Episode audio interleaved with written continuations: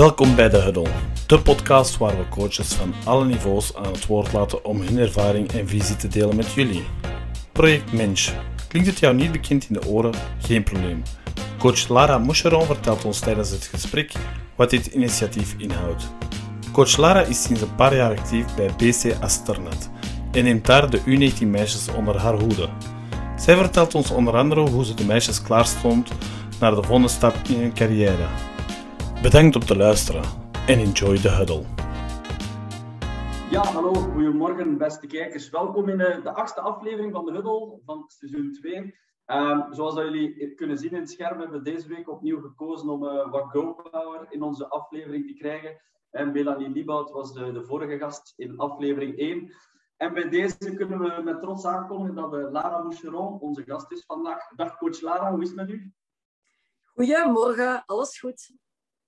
Nee, super. Ehm, ja, lang geleden, ik ken u al een aantal jaar, we hebben elkaar al een tijdje niet meer gesproken en gezien. Ehm, dus ehm, ook voor mij misschien handig als je nog een keer kunt voorstellen en zeggen waar je binnen het basket mee bezig bent en eventueel andere projecten ook. Dat is ook altijd leuk om mee te starten. Zeker. ja, dus ik ben Lara Moucheron en ik ben uh, speelster en coach bij BCAT, dus Asseternat. Um, ik coach de meisjes U19-ploeg uh, in Assen. En ja, ik speel zelf als in tweede landelijk in de eerste ploeg van Assen. Um, en ja, buiten mijn basketbal ben ik eigenlijk ook professioneel bezig als coach. Uh, ja, ik heb mijn eigen coachingsbedrijf, ja. Projectmensch. Nee, klopt, klopt, klopt. Projectmensch. Dat is al... Hoe lang zijn daar al mee bezig? Dat is al even, hè? Ja, dus uh, ben, ik heb het eigenlijk opgestart samen met mijn vrouw Astrid in uh, eh, 2017. Dus ongeveer een viertal jaar. Iets langer, 4,5 jaar of zo. Ja, nee, nee, nee, leuk. Ik zie heel vaak dingen passeren op uh, de sociale media. Dus uh, teken dat het goed is. Maar misschien voor de mensen die het niet kennen, ik weet niet of dat Mike het kent, project nee. Ja, misschien leuk, Klaar, als ik een keer kunt toelichten wat het allemaal inhoudt. Oké, okay, goed. Um, ja, Project Mees is eigenlijk een uh, coachingsconcept dat Astrid en ik hebben eigenlijk ja, ontworpen, laat ons zeggen. Um, bij veel brainstormen en nadenken wat dat we eigenlijk met ons leven samen zouden willen aanvangen. Um, Astrid mhm. en ik zijn alle twee redelijk ondernemend. Uh, zij is marathonloopster op redelijk hoog niveau en uh, ik zit in een basket. Bij mij was basket ook altijd zoiets van heel veel ambities, um, zowel, zowel, als speelster, maar vooral ook als coach. En um, ja, ik wou dat graag doortrekken naar mijn professionele carrière. En niet een 9-to-5 job ergens doen. En als er een 9-to-5 job ergens doen. En allee, het was, we wilden iets samen doen. En um, onze ambities een beetje samenkoppelen en zoiets opstarten. En daar is Project Menja uit ontstaan. Het is eigenlijk een, um, een coachingsconcept waarbij wij de focus leggen op het uh, mentale, het voeding en het fysieke. Dus um, zo die driehoek die komt eigenlijk overal in terug. Um, als dat nu gaat om puur particulieren die dat wij coachen, of ploegen of uh, weet ik veel, in bedrijven een teambuilding organiseren, dan gaat het altijd over het mentale, het voeding en het fysieke. En we proberen mensen daar um, verder te laten ontwikkelen. Dus dat is een beetje projectmanagement kort uitgelegd. Nee, leuk, leuk, leuk. En ja, je zegt hè, met coaching, hè, ik weet dat uh, Astrid heel hard met, met dat marathon hè, lopen. Ik ben vroeger nog mee geweest naar loopwedstrijden van haar, dus dat was altijd leuk. En misschien, ja, ik heb als ik me niet vergis, je hebt ook nog een bepaalde link vanuit Project Mensch met het basketbal, hè, met de coaching, bepaalde activiteiten die jullie doen. Uh, misschien ook leuk om daar even iets uh, over te melden. Ja, dus eigenlijk um, vroeger, lang geleden, toen ik uh, nog wat jonger was, tien jaar geleden, um, heb ik eigenlijk altijd een keuze moeten maken tussen spelen en coachen. Dus vroeger combineerde ik dat en dat was een moeilijke, um, omdat op den duur moet je vier keer per week in een sporthal staan, drie uur aan een stuk. En allee, dan kun je eigenlijk het een niet goed doen en het andere ook niet. Dus uh, ik heb dan een keuze gemaakt om te blijven gewoon basketten en mijn coaching een beetje aan de zijkant te zetten. Maar daar heb ik eigenlijk heel rap spijt van gehad. Zeker na mijn studies um, miste ik basket super hard uh, op, als coach. En ik, met een van mijn beste vriendinnen, Julie van Loo, als Belgian Kid, uh, ik heb daar vaak met over gesproken. En we kwamen eigenlijk op een punt dat zij ook in België was op momenten dat wij eigenlijk samen iets zouden kunnen organiseren. Dus vroeger kwam ze dan bij ons bij Project Mensen wat meer mensen coachen, puur op het fysieke. Um, allee, mensen die bijvoorbeeld zelf basketballen, uh, gaven dan zo explosiviteitstrainingen, gaven zo trainingen die ten, ten gunste waren voor um, als basketbalspeler op te, allee, op te treden in die seizoen. Maar eigenlijk miste ik dat basketbalgegeven wel. En um, op een bepaald moment dacht ik met Julie, kom, waarom organiseren we niet niet gewoon een basketbalkamp? Maar dan puur gericht op meisjes. Dat bestond op dat moment nog niet echt hard. Het was meestal gemengd. Um, en toen ik zelf nog coach was bij Elite Athletes, zag ik wel dat bijna 90% daar jongens waren en zo'n tiental procent meisjes, waaronder ik zelf ook vaak aan deelgenomen heb. Maar eigenlijk was dat zo jammer dat je zo niet een kamp had waar je enkel als meisje kon aan deelnemen. Dus we dachten, oké, we organiseren dat eens. We zullen zien hoeveel volk dat erop afkomt. En we organiseren gewoon een basketbalkamp. Maar terug met die focus op het mentale voeding en het fysieke. Dus die driehoek daarin. Dat was ook uniek. En ja, dat eerste kamp was wel super hard aangeslagen. En we dachten, oké, we gaan hier verder. En sindsdien organiseren we nu twee keer per jaar een uh, basketbalkamp voor meisjes. Waar dat we de focus super hard leggen, ook op het mentale en het fysieke. En waar dat voeding ook een bepaalde rol in speelt, niet super groot, maar toch ook belangrijk is. Um, omdat dat ook wel aspecten zijn die super belangrijk zijn in, in prestaties op het basketbalveld. Dus um, dat is nu een beetje wat we organiseren als kampen. Mm -hmm. En wij hebben sinds drie jaar geleden um, daar ook een All-Star Game aan gekoppeld voor vrouwen. Dus uh, dat bestond al voor de mannen. Uh, mens All-Star Game dat elk jaar terugkwam, waarbij dat zo topspelers tegen elkaar spelen. Team East tegen Team West. Een beetje een Amerikaans uh, idee. Maar we wilden dat nu ook voor die vrouwen doortrekken. En um, ja, dat hebben we nu ook gedaan. We organiseren dat nu dit jaar opnieuw. En uh, dat is wel heel leuk om allemaal soorten basketbalspeelsters en andere topsporters te betrekken in die avond. Nee, nee, zeker en vast, sowieso. En even op die kampen inzoomen. Hè. Uh, Lara, je zei het net, je gefocust daarop op, op, op voeding, maar mentale aspect. Kunnen misschien voor de kijkers dat, en voor ons ook, dat is heel leuk om te weten, een aantal zaken meegeven waarop dat je dat speciaal doet qua en mentaal? Zijn er bepaalde drills voor? Of zijn dat ja, spreeksessies dat jullie doen? Of hoe moet ik dat zien? Oh, dat is een beetje ontstaan uit het concept waar ik zelf vroeger als speelster soms mee kampte. Um, vaak als speelster speelt je in een ploeg en hoe hoger dat je in een ploeg speelt, wordt er, allee, in mijn ervaring toen, werd er heel weinig gefocust op hoe voelt je je als speelster. Dat was gewoon zo van hard trainen, zorgen dat je er staat, presteren, presteren. er werd niet echt naar een individu ingezoomd.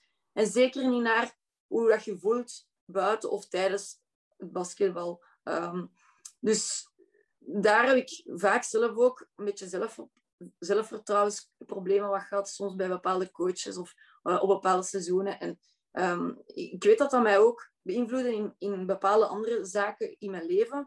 Dus um, ik vond wel zelf, als we meisjes gaan coachen, dan vind ik dat dat mentaal een super belangrijke is om prestaties te gaan um, creëren op een basketbalveld. Want andersom, op een seizoen waar ik heel veel zelfvertrouwen had, dan speelde ik als speelster ook op totaal een ander niveau dan dat ik geen zelfvertrouwen had. Dus dat zelfvertrouwen dat is iets wat dat, allee, bij mij als ervaring mee doorgetrokken is naar hoe dat ik zelf een ploeg coach.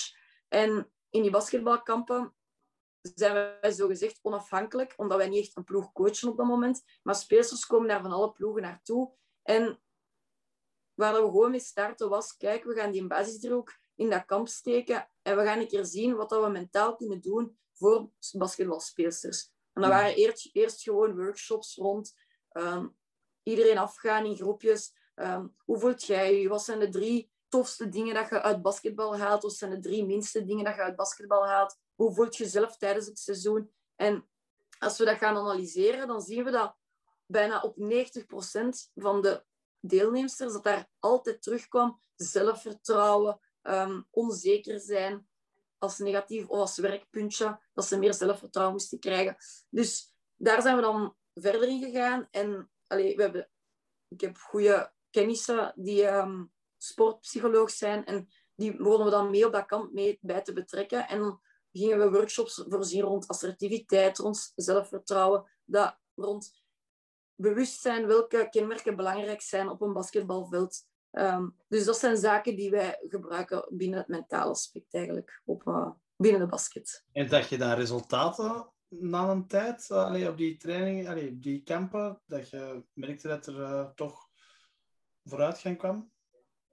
op die kampen specifiek, niet omdat dat momentopname is. Allee, je kon dat wel meegeven. Dat zijn tools dat wij meegeven op dat moment, dat ze kunnen meepakken naar hun seizoen.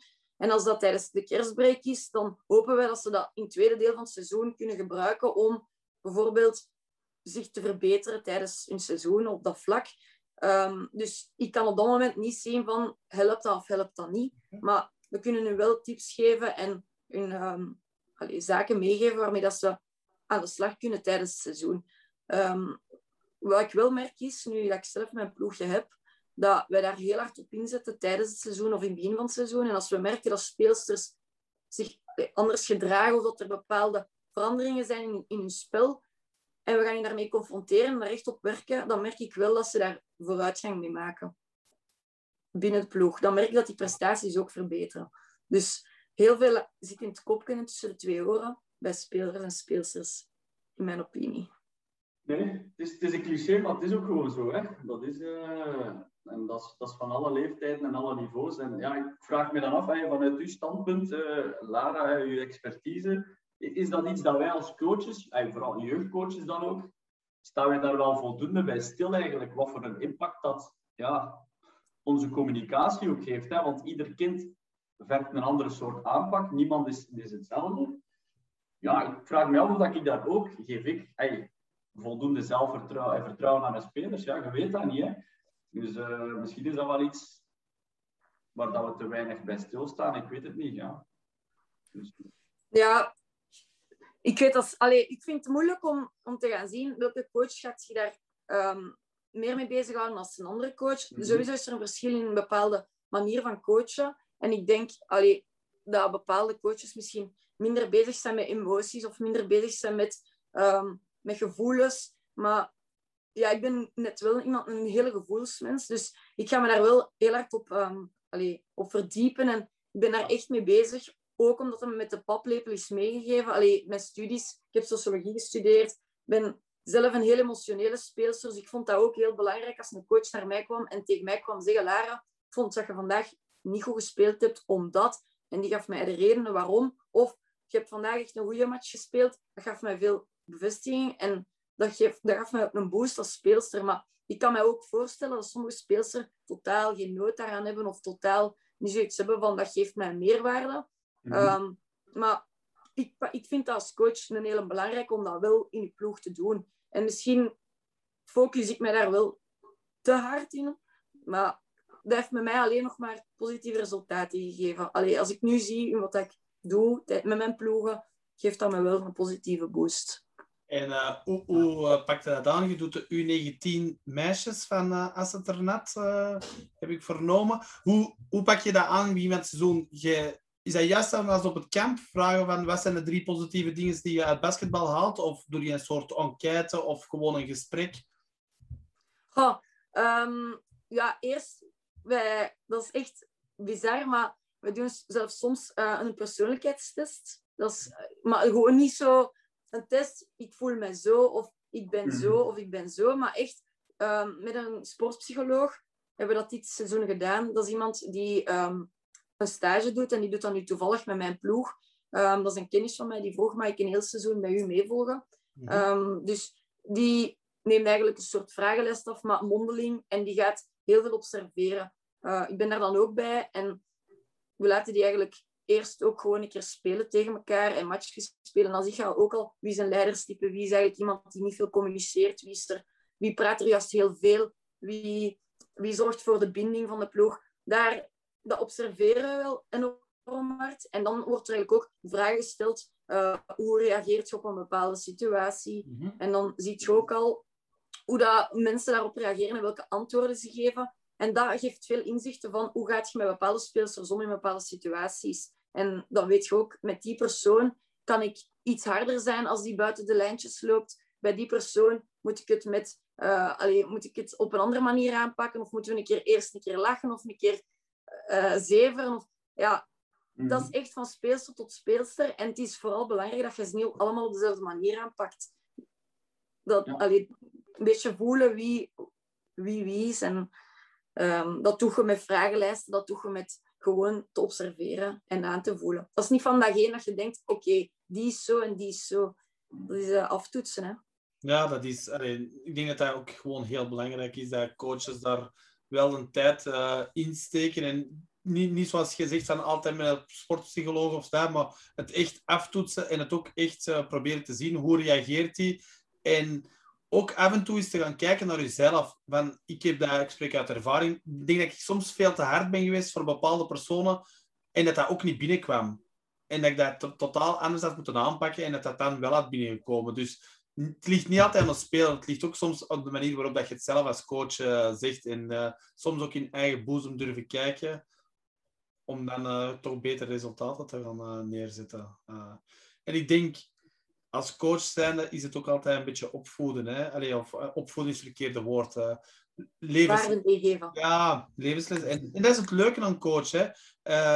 Allee, of aan kampen geven dat die spelers tien jaar later of vijf jaar later terugkomen en zeggen: hé, hey, coach of dat, daar doet het toch voor? Allee, bedoel... Absoluut, absoluut. Zo, allee, daar doe ik het toch voor? Nee, sowieso, absoluut. Dat geeft enorm veel voldoening ook. Hè? Mm. Dat, is, dat kan ik zeker beamen. Ja. Nee, klopt. En Lara, hè, we waren er juist over bezig, of gewoon zelf, hè, over u, de U19 meisjes bij Asset uh, hoe lang doe je dat nu al daar? Um, het is nu mijn tweede seizoen dat ik terug aan het coachen ben. Ehm, en dat ik mij ook aan een club bind om, om als coach uh, terug actief te zijn. Ja, ja, ja. Nee, maar op zich, ja, lijkt sowieso wel een leuke leeftijd, hè, omdat dat zo net voor, dus eigenlijk de laatste stap voordat je ze afgeeft hè, aan, aan het seniorsbasket. En als je daar nu kijkt, je zit daar nu twee jaar mee bezig. Als je werkt met zo'n leeftijdsgroep, wat, wat, is voor u eigenlijk de grootste uitdaging aan zo'n zo leeftijdscategorie? Maar wel, die uitdaging ben ik dit seizoen tegengekomen. Dus als ik kijk naar vorig seizoen, het is eigenlijk de, dezelfde, bijna exact dezelfde ploeg als vorig seizoen. Buiten mhm. eentje die te oud was. En voor de rest is het eigenlijk net dezelfde ploeg. En ik heb iemand nieuw, dan twee, twee nieuwe speelsters binnengehaald. Um, maar als ik... Wat, wat bij mij mijn uitdaging is momenteel, dat er verschillende van die meisjes um, het jaar dat nu gestart is, naar de universiteit gaan. Dus eigenlijk die maken een overgangsjaar van zesde middelbaar naar universiteit. Die maken de overgang van geen coronajaar naar een, uh, van een coronajaar naar een geen mhm. coronajaar. En ik merk dat de discipline en de motivatie soms um, om basket als prioriteit te zien, dat, die, dat, dat, je, allee, dat je heel veel moeite hebt moeten doen om terug te laten beseffen van kom, we gaan hier toch hetzelfde qua teamsport, qua discipline houden dan vorig jaar. Um, ik, ik, het was voor mij een uitdaging om dit seizoen op een heel gedisciplineerde manier te starten. Terwijl wij enorm veel tijd en energie... Wij, omdat wij eigenlijk met een team zijn, een coachingsteam, um, enorm veel tijd en energie steken om die ploeg um, zo goed mogelijk te begeleiden. Uh, merkte ik dat, dat veel meisjes de vrijheid ontdekt hebben en dat basket soms niet de prioriteit is hoe dat het zou moeten zijn. Iedereen, iedereen hmm. zegt dat. Ik, uh, ik heb al heel veel coaches, ik merk het zelf in mijn eigen dat is gewoon een, een, een, is het een groot probleem? Ja, ja ik, ik, weet ook niet. Voor mij is, is, basket een absolute passie, dus ik begrijp dat niet. Nee. Maar uh, het is niet enkel bij jeugd hoor, het is ook bij, bij, bij heren, bij dames, dat, uh, dat die vrijheid er echt wel is gekomen. Dus ja, corona is voor teamsporten toch niet zo zo goed geweest, zal ik zo zeggen. Uh... Ja, nee, inderdaad. Die structuur viel weg. Hè? En mhm. mensen hadden die structuur soms nodig. Ik zie dat bij mezelf ook van vroeger. Ik had met, die een basket was mijn structuur om mooi binnen de lijntjes te blijven. Ook voor mijn school, voor, voor alles. Ineens valt dat weg. Mhm. En ja, basket, je mist er op een bepaald moment precies niet meer of zo. Of weet ik veel. En dan begint dat seizoen terug. En dan moet je terug je structuur daarin vinden en je focus. En dat is bij sommige mensen zo van, allee, ik heb de vrijheid geproefd. Hm, ik weet het niet, ja. En hoe heb je dat, dat aangepakt om, om toch die discipline terug te krijgen bij je speelsters? Door gesprekken of door, ja... Ja. ja. door uh, soms een keer te vloeken en soms een keer allee, ook harder te zijn en te zeggen dat ja, op alle soorten manieren, hè, als coach probeert je alles. Uh, ik, allee, ik wil nu niet zeggen dat onze ploeg er niet meer kwam opdagen. Ja, maar soms was dat wel met vier, vijf speelsters afzeggen omdat ze ik weet niet wat hebben en elke week een ander excuus. En ik ga niet zeggen dat dat allemaal onterecht is dat ze afzeggen, maar ehm, ja, je probeert gewoon de rest heel hard te stimuleren, dat die anderen zoiets laten zien van kijk, we hebben er wel goesting op, om de anderen te laten beseffen van shit, we zijn hier wel iets aan het missen. En ehm, als ze dan een keer verkeerd lopen in het systeem, of ze, of ze doen het niet juist, of hun conditie is niet juist, niet goed, hun te laten beseffen van shit, ik heb hier wel kansen laten liggen.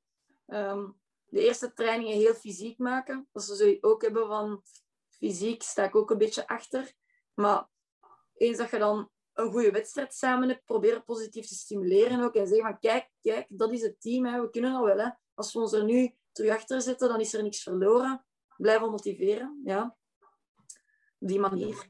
Ja, ja ik denk dat we het allemaal kennen, eh, die, die zaken. En dan, dan is ook altijd de hoop als coach in dit seizoen na corona dat het eigenlijk goed draait van in het begin. Allee, ik kan dat beamen bij mijn tweede ploeg bijvoorbeeld, bij Contig. Dat draait waanzinnig goed de eerste weken. En dan komt dat teamgevoel direct wel terug naar boven. Eh, de, de, dat is wel heel plezant. eh, maar ja, niet, niet iedereen heeft dat geluk of, allee, dat het ineens zo goed draait. Een andere vraagje. De U19, dat betekent, ja, zeker bij meisjes, die zijn redelijk snel eh, dat die bij damesploegen gaan meespelen. Dat is bij u waarschijnlijk ook het geval, dat die twee wedstrijden spelen. Mhm, Klopt. Oké. En hoe is die transfer tussen de jeugd en de, de, de seniors? Lukt dat goed? Is het soms moeilijk? Zeker bij dames U19, die hebben er toch al meestal een langere tijd ervaring mee. Want die kunnen eigenlijk al van een 14, denk ik, soms eh, meespelen. Ja, dat was ook ehm met Asternat een, een hele leuke. En ook ehm, de reden waarom dat ik dacht, oké, ik vind het wel belangrijk dat we daar een U19-ploeg kunnen opstarten. Want het zijn voornamelijk ook meisjes die van onze kampen komen, die naar die ploeg zijn gekomen. Ehm, omdat ik zelf als speelster bij BCAT een heel goed gevoel heb, ehm, ook een familiaal gevoel. En ik dacht, oké, als, als, die- als we hier een, een ploeg kunnen maken van jeugdspeelsters, dan kunnen die ook direct mee het jong geweld zijn van onze ploeg. En ehm, met Chris, mijn coach dan van de eerste ploeg, klikt dat ook goed om eigenlijk de overgang te maken tussen U19 en ehm eerste provinciale of tweede landelijke. Ehm, dus elke speelster van de U19 speelt ofwel bij de eerste provinciale mee, ofwel bij de tweede landelijke. En er zijn er drie of vier vast van de U19 die altijd met de eerste ploeg mogen meedoen of kunnen meedoen. Dus stel dat er door blessures of door veel afwezigheid iemand wegvalt van de eerste ploeg, dan mag er altijd iemand anders meedoen op de trainingen. En op die manier krijg je ook een kans in de eerste ploeg. En puur qua sfeer en de manier hoe dat de eerste ploeg omgaat met de, met de U19 of de tweede ploeg omgaat met de U19, dat gaat allemaal supergoed. Allee, we zijn eigenlijk één ploeg. Dat- Je voelt dat ook wel. Dus die overgang gaat supergoed eigenlijk tussen de drie ploegen. Ah, dat is wel super. Dat is echt super. Ja, dat is leuk, sowieso. En ja, Lara, jij speelt zelf ehm, ook bij een van de seniorsploegen. En je zegt net, hè, uw dames van de U19 spelen zowel bij ofwel de eerste provinciale of de tweede landelijke ploeg. Dus dat betekent dat de speelsters die je coacht ook met u samenspelen op het veld. hoe, hoe gaat dat? Want ja, je moet toch eigenlijk toch op een bepaald moment hebben de, de relatie speler-coach. Op een ander moment zijn ze samen in een ploeg. Hoe, hoe gaat het daarmee om? Wat wat zijn daar zo wat de, de grootste eh, ja, zaken die spelen, uitdagingen? Ehm, in, in het begin dacht ik ook van, oei, dat gaat misschien moeilijk zijn om zo speler-coach en eh teamie, die relatie, dat gaat Mhm. misschien zo wat moeilijk zijn om, om, om om te switchen van, van het een naar het ander. Maar ehm, omdat ik zelf probeer met mijn speelsters als coach dan een goede band te houden, maar toch nog wel de coach te zijn en dat ze weet, allee, ik probeer respect af te dwingen van hen, dat, ze, dat ik niet moet roepen om iets gedaan te krijgen op een veld, maar dat ik daar ook sta als vertrouwenspersoon. Ehm, en dat ze dingen voor mij doen, dus dat ze me respecteren als coach. Ehm, dat maakt het gemakkelijker om als team er ook te zijn. En ze kunnen heel goed die switch maken van nu is Lara mijn coach en nu is Lara mijn teammaat. En ehm, allee, ik heb daar eigenlijk tot nu toe nog niks van problemen mee gehad. Integendeel, um, dat, dat versterkt net ook die een band. Dus dat is, dat is eigenlijk een plezante. Ik vind dat wel heel leuk. Oké, dan hebben we nog een ander verhaal. Je bent coach en je speelt voor een coach. Is dat soms een moeilijk gegeven? Uh, dat, dat je zegt van... Uh, oh, ik zou dit anders doen? Of heb jij ook door je ervaring meer inspraak met, met de coach van de eerste ploeg? Hoe zit dat juist? Um, ik sta 100% achter um, het B-Kids DNA. Dus dat is een bepaald DNA dat elke ploeg wel heeft om uh, offensief en defensief uh, allee, principes te hanteren. En het DNA wordt zowel gehanteerd binnen de eerste ploeg, binnen de tweede ploeg, als binnen de U19. Dus op dat mhm. vlak staan we op dezelfde lijn. Dus um, als speelster heb ik daar eigenlijk, sta ik daar ook achter. En als coach, als ik daar iets op te zeggen of als ik vind van mm, dat, allee, of bepaalde systeem dat je zegt van mm, dan sta je daar super hard voor open om daarover allee, om erover te discussiëren. Maar allee, ik heb zelf ook al veel van hem bijgeleerd uh, als coach. Ik, um, mijn basketbaltechnische kennis die kan nog enorm veel groeien. Dus uh, ik, ik neem aan wat hij zegt en ik denk daar ook kritisch over na. Ik ben daar ook meer en meer mee bezig. Dus uh, als ik met zaken zit, zal ik daar met hem over kunnen praten. Maar um, dat gaat eigenlijk redelijk vlot. Ik, ik vind dat superleuk eigenlijk op die manier. Je zegt net van, uh, uw, basketbalkennis kan nog altijd groeien. Dat is trouwens bij iedereen zo. Uh, van, van, van jonge coaches tot topcoaches. Iedereen kan van iedereen leren. Uh, hoe, hoe pak jij dat aan voor jezelf? buiten cursussen die we moeten volgen, zijn er bepaalde zaken die jij, die jij doet? Wedstrijden volgen, met vriendinnen en vrienden praten, bevriende coaches spreken?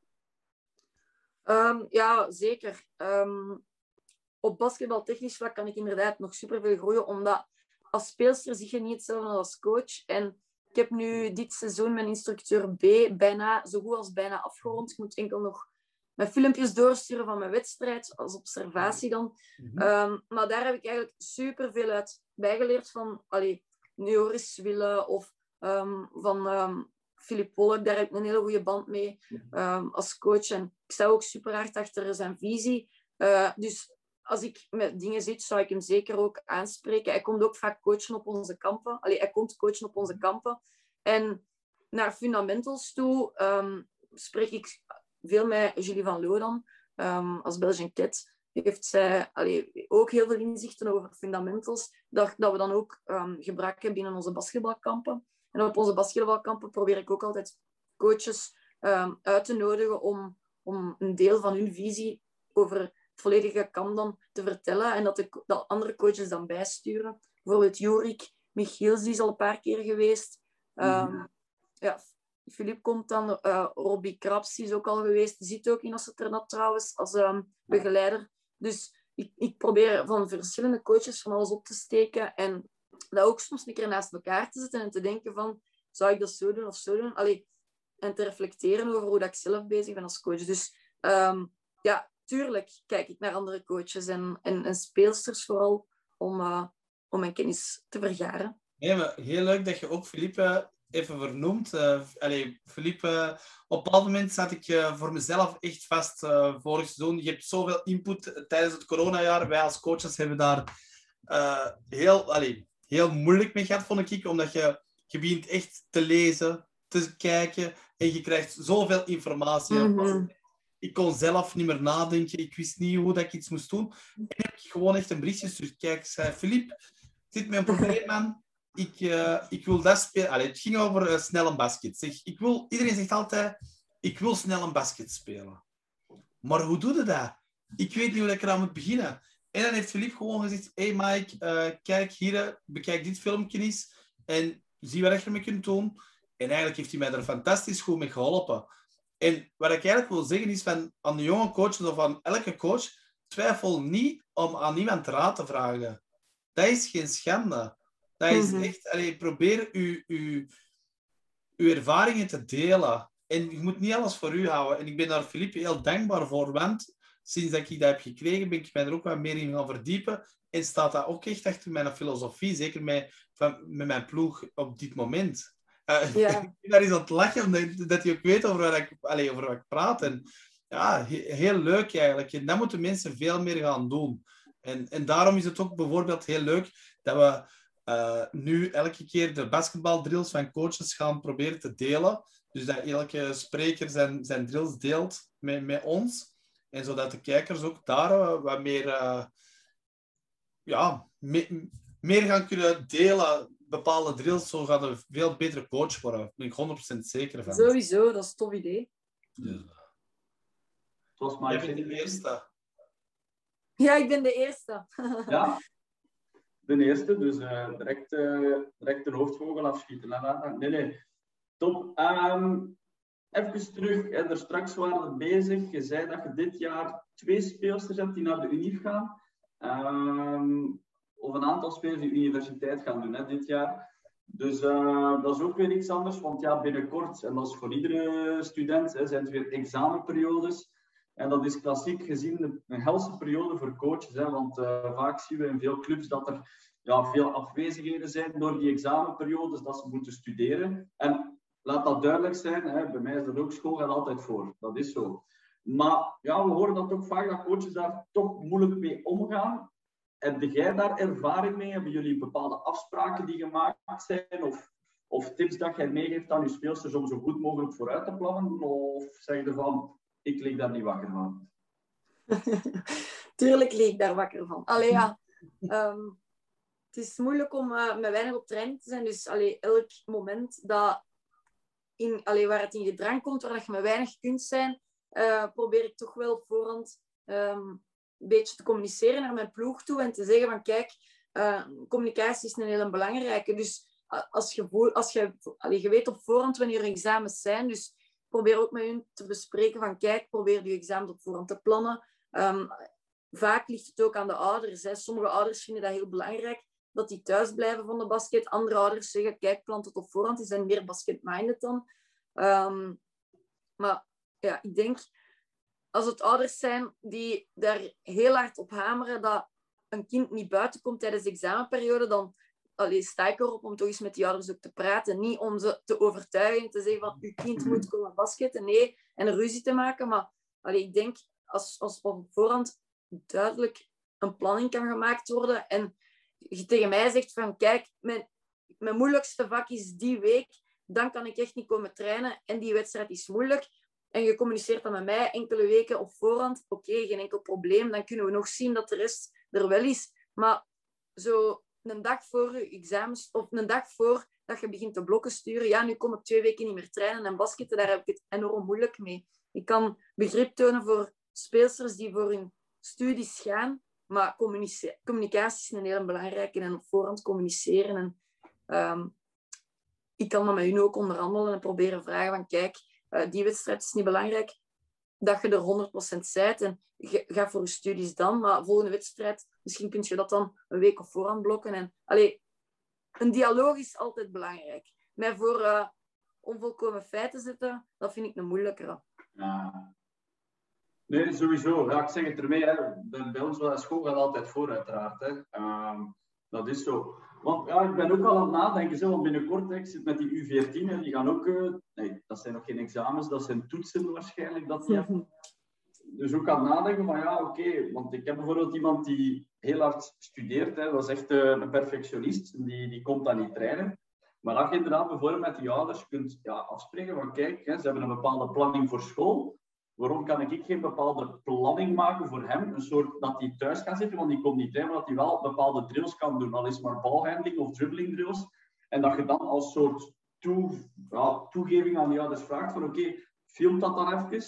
Stuur mij dat door. Hè. Niet ter controle, maar gewoon om te zien dat hij er ook genot aan heeft. Want ja, dat lijkt me wel een ideale pauzemoment om even met je basket bezig te zijn. Dat is toch een uitlaatklep. Dus dat is iets waar ik over aan het nadenken ben als soort van ja, balans voor spelers die helemaal niet komen trainen. Dus uh, als er coaches zijn die andere ideeën hebben, altijd welkom natuurlijk. Hè. Dus, uh... Ja, zo. Waar ook altijd, allee, veel coaches zeggen zo, ja, als ik maar met twee ben, dan ga ik geen training geven. Ik vind dat ook altijd verkeerd. Ja. Omdat, omdat je, ja, de jongens, je straft eigenlijk de jongens die wel willen komen.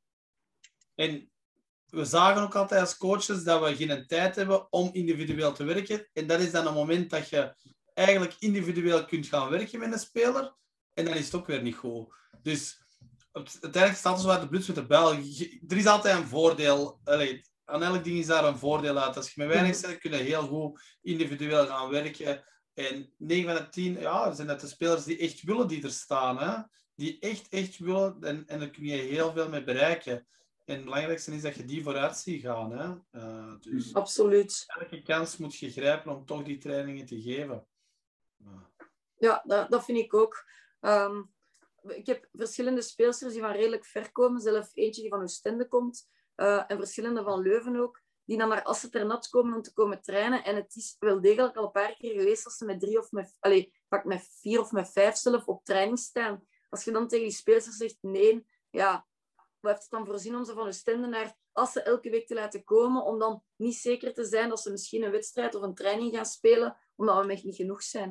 Ik vind dat ook dat dat wel een, een belangrijke is. Zeker als, binnen jeugd, omdat dat daar allee, individueel kunnen nog zoveel ontwikkelen.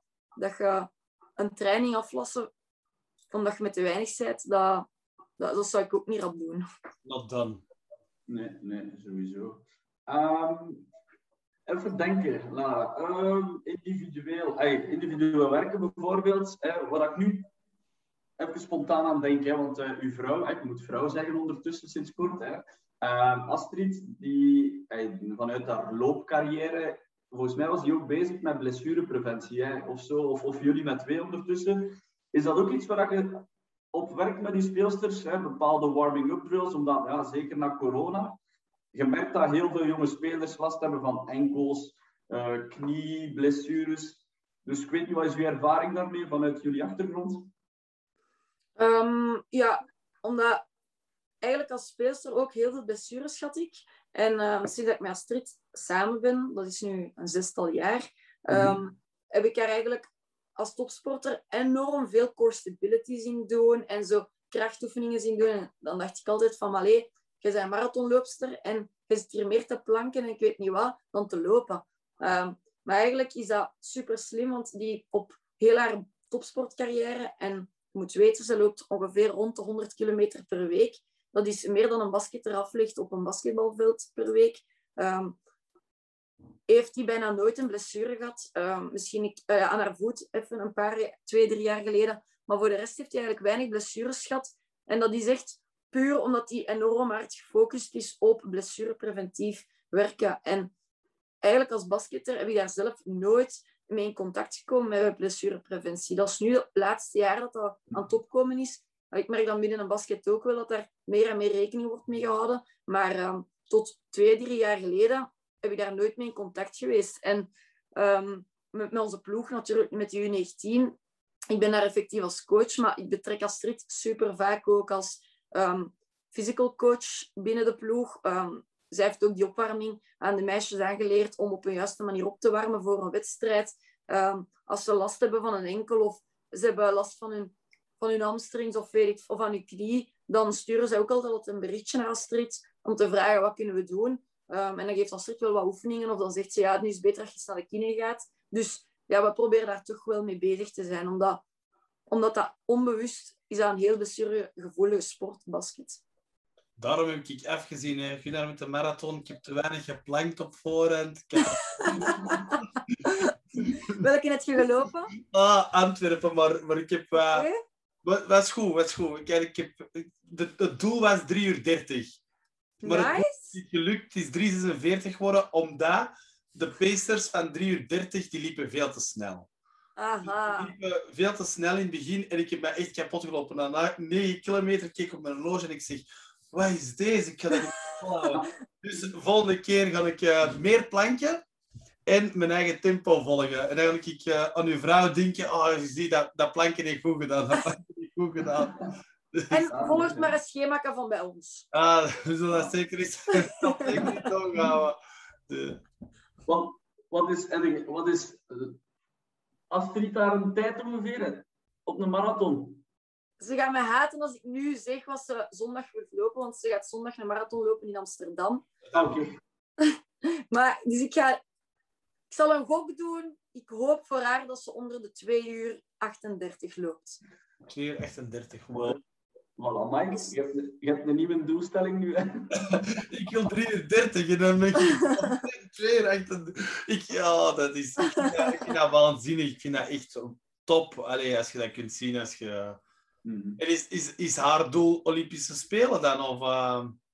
Nu was ze mij tweede keer haten vandaag, maar ik denk wel dat zij droomt om, uh, allee, om op Olympische Spelen te staan de volgende keer. Als de blessures wegblijven en ze kan goed blijven doortrainen. Want uiteindelijk, zij is nog altijd ook zaakvoerder van het bedrijf.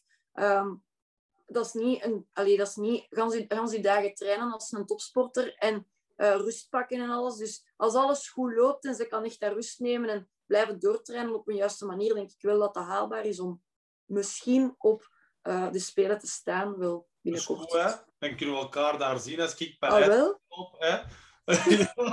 Kom maar af. Ik heb nog drie jaar, hè? Ik heb nog drie jaar. Wel, ja. trainen. Dus uh, you never know, hè? Stel je voor. Dan wil jij meegaan, Gunnar, met mij. Je mag nog wat gaan. Kom maar mee. Met plezier, met plezier. Uh, nee, goed, goed, goed. Uh, ja, dat, dat zijn Astrid-dromen. Heb jij nog bepaalde dromen? Hè? Als, als coach, wat denkt u van de Belgian Cats? Zoeken nu nog, hey, ik weet niet, is er al een nieuwe trainer? Nee, ja. niet denk ik. Dus, uh, is dat iets dat wel. tot uw toekomst behoort?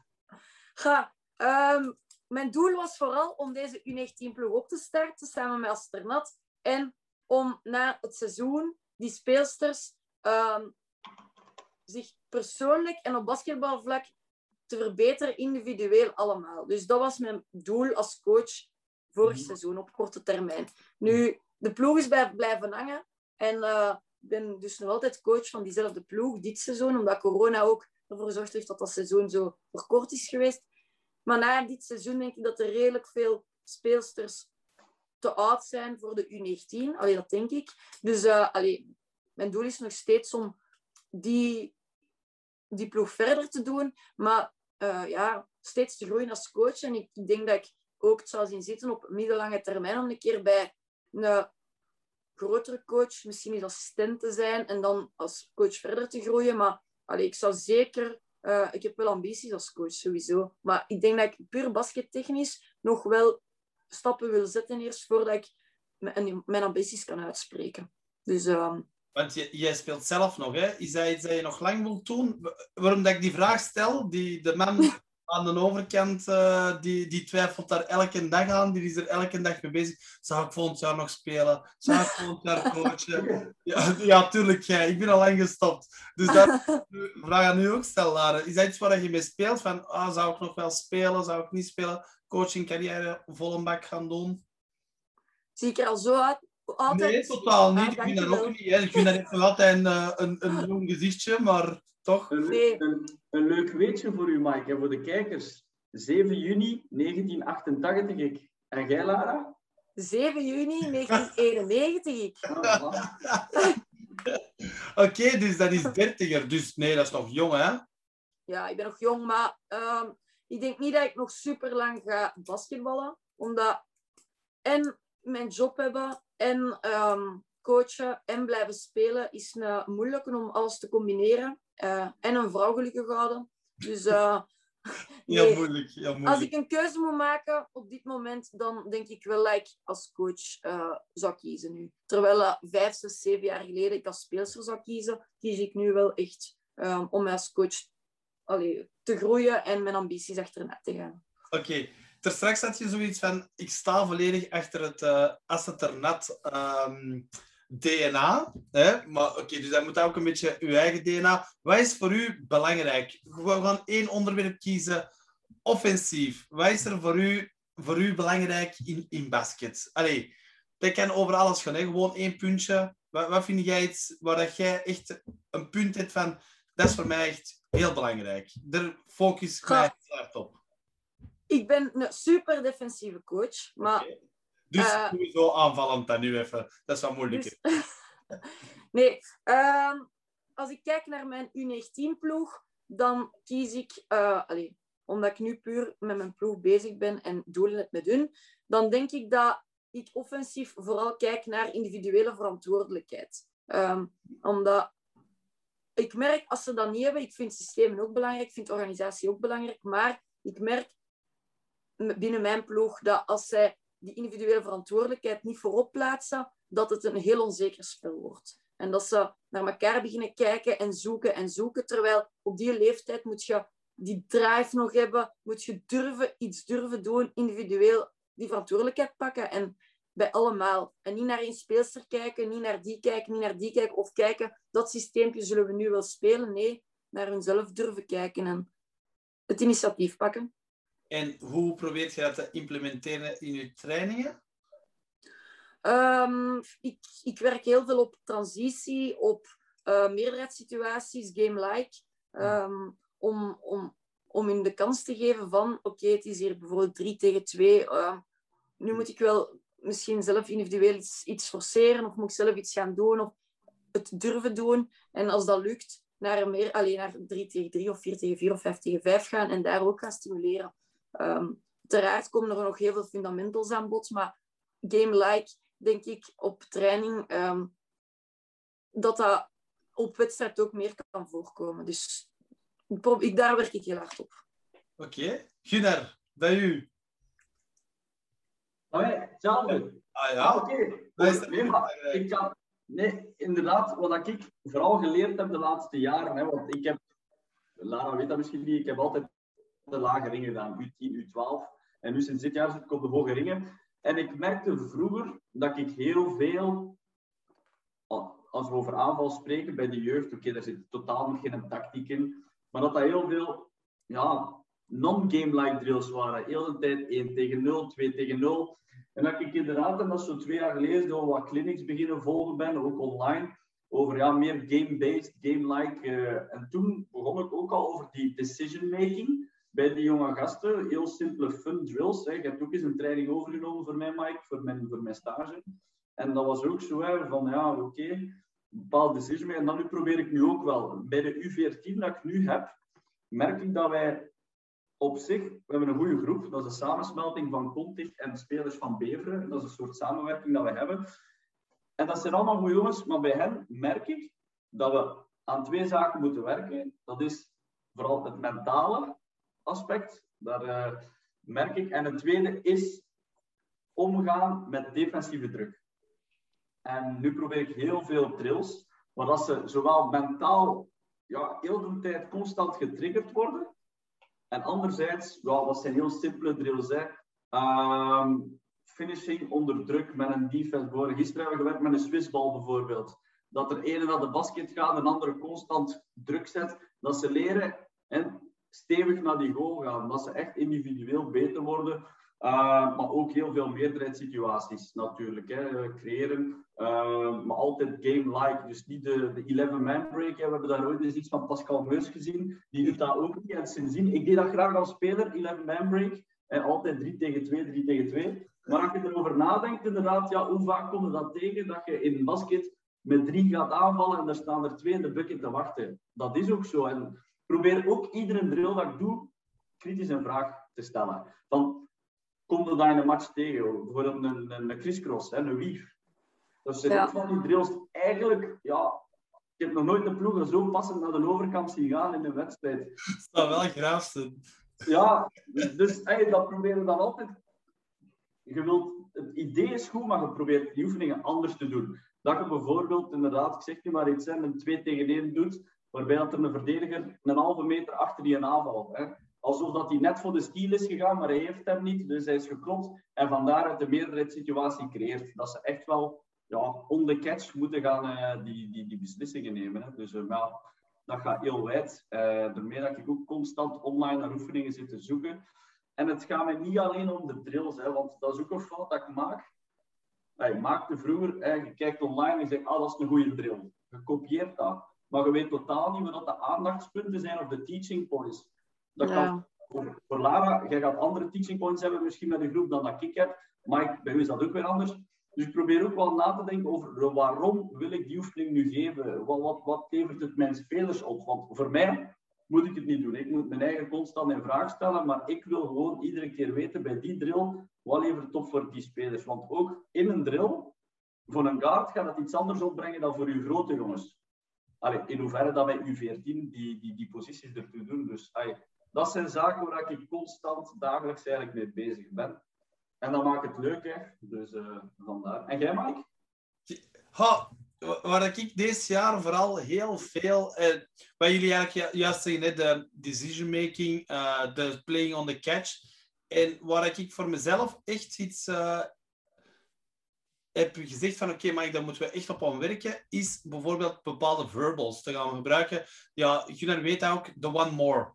Voor mij is dat echt een heel belangrijke geworden, zodat mijn spelers daar ook constant mee bezig zijn. Dus als wij een aanval spelen, wij willen penetratiedribbles en wij zijn een ploeg dat heel goed kan shotten. Allee, bepaalde spelers toch. Wij willen die spelers, allemaal de spelers op hun beste mogelijke manier gebruiken.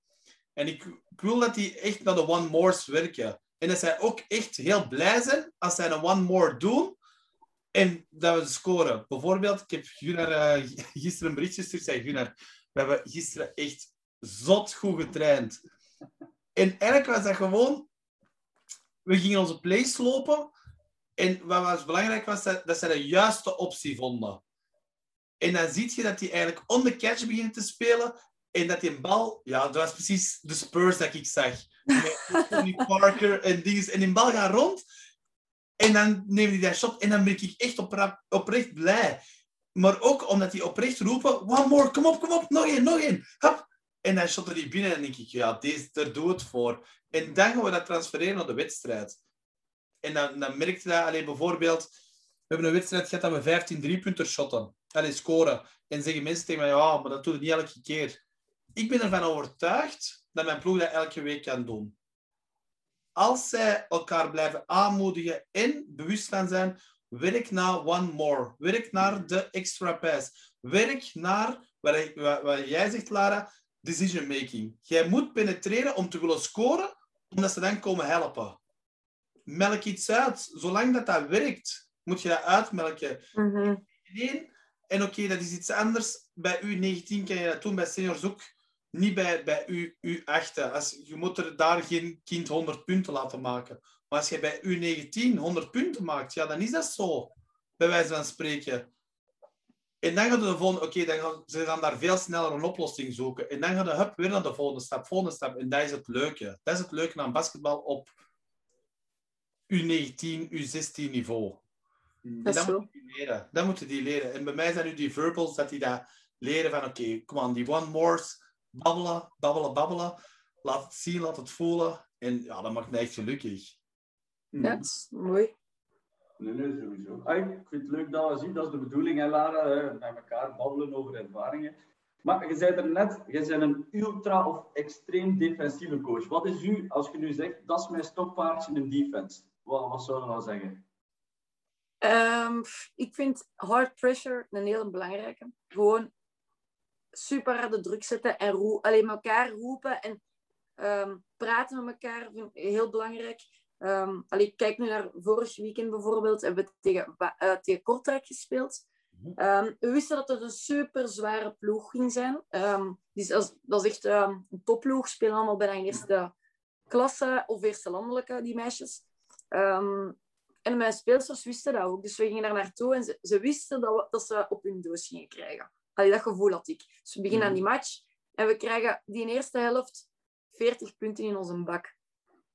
Maar in mijn opzicht vond ik dat ze veel te soft waren. Dus ik zei dat ook, dat ze veel dat ze pussies waren, dat ze te soft zijn en dat ze in defense alles laten liggen en daardoor in offense ook onzeker spelen. Uh, mijn ploeg is ook zo, als die hard in defense kunnen verdedigen en die vechten voor elkaar, voor elkaar en die hebben zo die over my dead body uh, mentaliteit, dan merk je dat ook in offense, dat die veel zekerder zijn, dat die hun verantwoordelijkheid pakken. En zo ben ik ook naar die kleedkamer gegaan. Ik heb gezegd, kijk, jullie defense is te soft. En um, dat ben ik ook niet gewoon van jullie. Jullie zijn normaal harde werkers in defense. En bon, in de tweede helft starten wij die match. En die in defense, ik zei echt tegen hun, ga op het randje afspelen. Het zijn provinciale refs, ze zien niet alles. Ga hard spelen, maak ze kapot. Allee, echt even oppeppen, oppeppen. En je zag dat die hard pressure daar was en dat het echt op het randje af was. Ze kregen wat fouten tegen. Maar doordat die in defense zo opgefokt waren en opgepept waren, waren die in offense ook totaal anders. Um, in de eerste helft maakten ze 16 punten. in de tweede helft eh, verliezen wij de tweede helft met twee punten. Terwijl we de eerste helft 40 punten in onze bak krijgen. En dan denk ik echt, dat heeft echt puur met hun defense te maken. Omdat het was zoals bange weesjes gaan verdedigen, omdat ze toch gingen geklopt zijn naar nee, die, die een bal is van ons. We werken hard, hard, hard. En ehm, daar vielen steals uit en ze waren er zelf van versteld. Ze gingen veel agressiever naar die ring. En dat komt omdat ze in defense gewoon die hard pressure zetten. Dan zorg je dat, ze, allee, dat er heel veel denial is en dat ze elkaar gewoon uh, coveren. Dus hangt wel samen. Maar ik vind, je hard pressure vind ik een super belangrijke Mhm. in defense. Daar begint alles bij in mijn opzicht. Nee, terecht. Ik denk dat, dat voor ik denk dat vele coaches die die meeting deden, hè, dat dat de ultieme droom is, hè, die hard pressure. En, en, hè, Ik geef er nog één punt bij. Want je, zeker bij, bij, bij dingen, je hebt hard pressure, plus we worden niet op de eerste dribbel geklopt. Allee, ik denk dat dat het logische de dingen is. Want je hebt er heel veel die, "Eh, mijn coach zit. Ja, ja, dat is waar. Dat is? Maar ik denk dat je dat ook sowieso zo bedoelde. Hè? Maar dat is een heel dat is belangrijk waar wat je zegt. Want de tweede dribbel kunnen we stoppen. Die, die zullen we stoppen in de rotatie of met stunts of dat. Maar geklopt worden op de eerste dribbel, dat kunnen we nooit niet stoppen. Dat, dat, dat kan niemand niet. Dat kan zelfs niet de beste coach niet. Eh, dat kan geen Obradovic, dat kan niemand niet. Op de eerste dribbel geklopt worden, is sowieso problemen. Eh, Mhm. maar ik, ik ben blij want, dat je daar ook zo over babbelt. En dat, want ik ben eigenlijk een heel offensieve coach. Ik heb vroeger veel te weinig aan defense en ik probeer daar nu ook veel meer tijd in te steken. Omdat wat jij zegt is wel waar. Als je agressieve defense speelt, gaat je dat veel meer in je offense ook meepakken. Waarom? Zoals je zei in die tweede helft, je pakt meer steals. Je scoort iets een paar keer makkelijk. Je hebt veel meer zelfvertrouwen. Dus ja, dat, dat is echt eh, iets waar ik voor mezelf heb aan gewerkt. Van oké, defense, ik moet daar echt veel meer op focussen. Ik merk ook als coach dat enorm veel als coach afhangt van hoe dat ze verdedigen. Eh, als coach, allee, ik ben nu een super extravert, dus ik sta daar ook zelf bijna nat in het zweet als coach.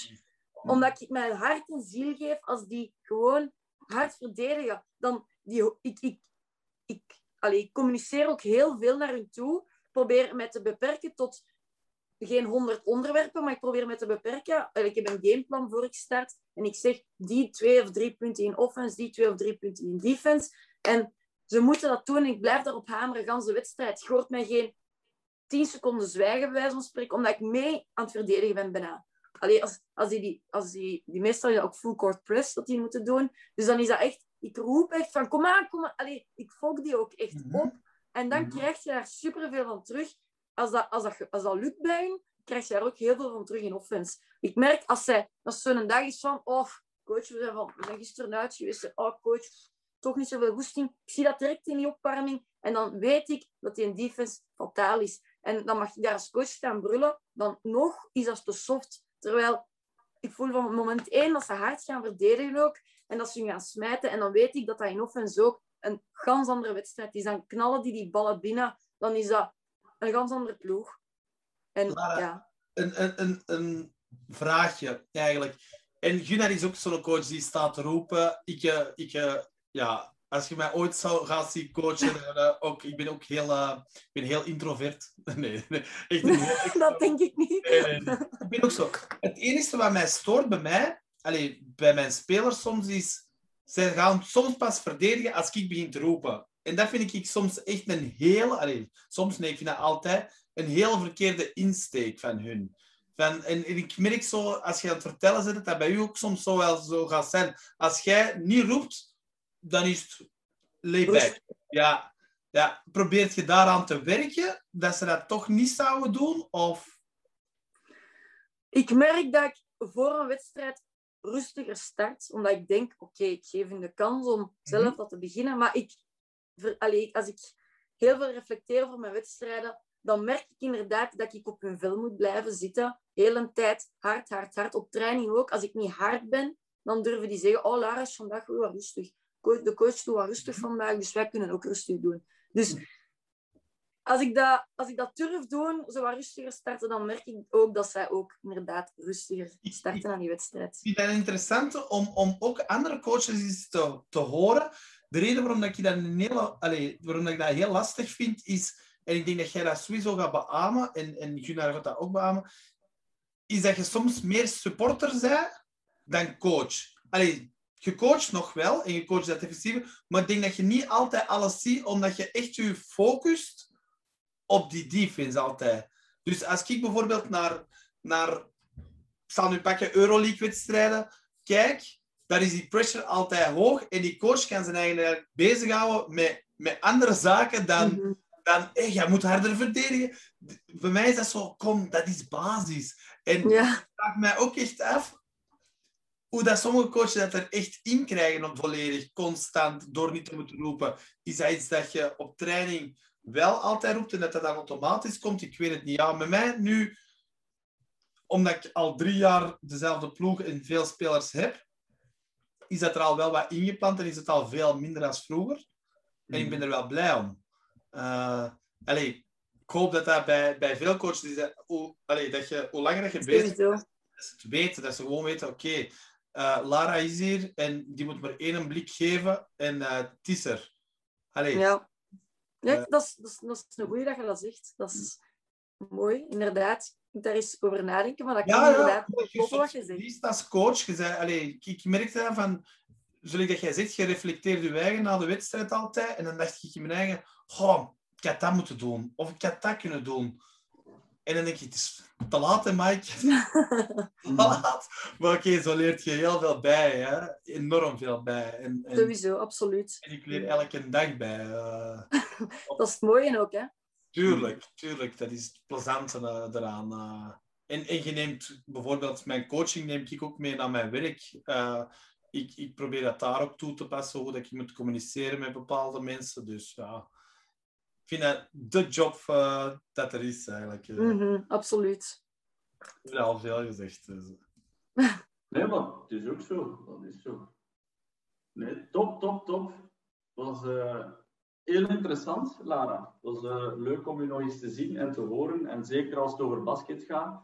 Ehm, en als dankwoord wil ik u nog even de kans geven om wat reclame te maken hè, voor het All-Star Game. Het is in Aalst zeker hè, dit jaar. Dus eh Ja. u krijgt van mij nog even de tijd om reclame te maken. Dank je, Gunnar.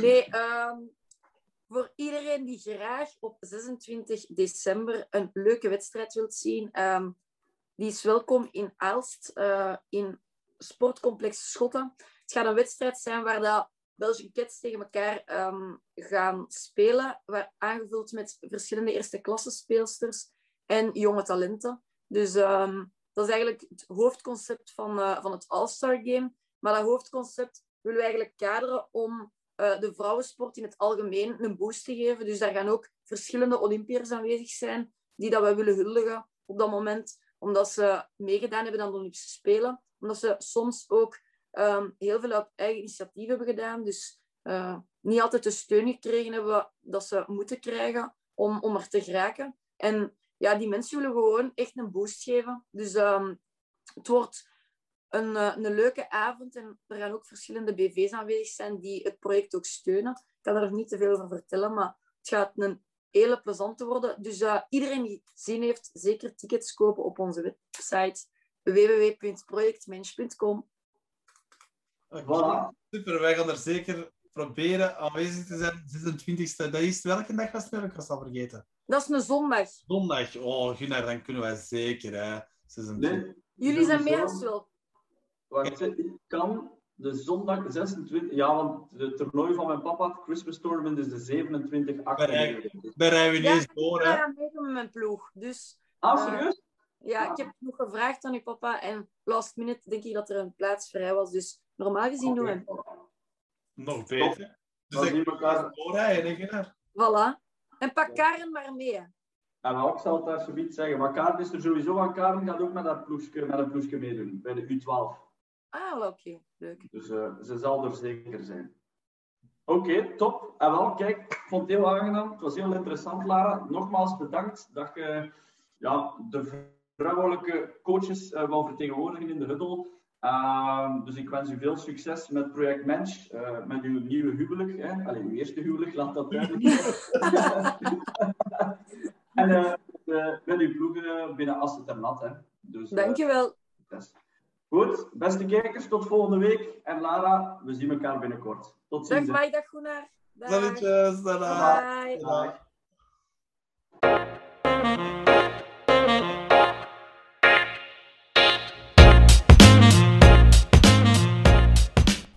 Bedankt om te luisteren naar de Huddle. Volgende week komt er een coach die zeker enkele belletjes doet rinkelen. Pascal en Gillis heeft de voorbije jaren voor verschillende B-Next teams gewerkt en geeft ook een gedeelte van de basketbalcursus voor Basketbal Vlaanderen. Heb jij nog een specifieke vraag voor coach Pascal? Zet ze dan in de comments onderaan en we leggen deze vraag aan hem voor.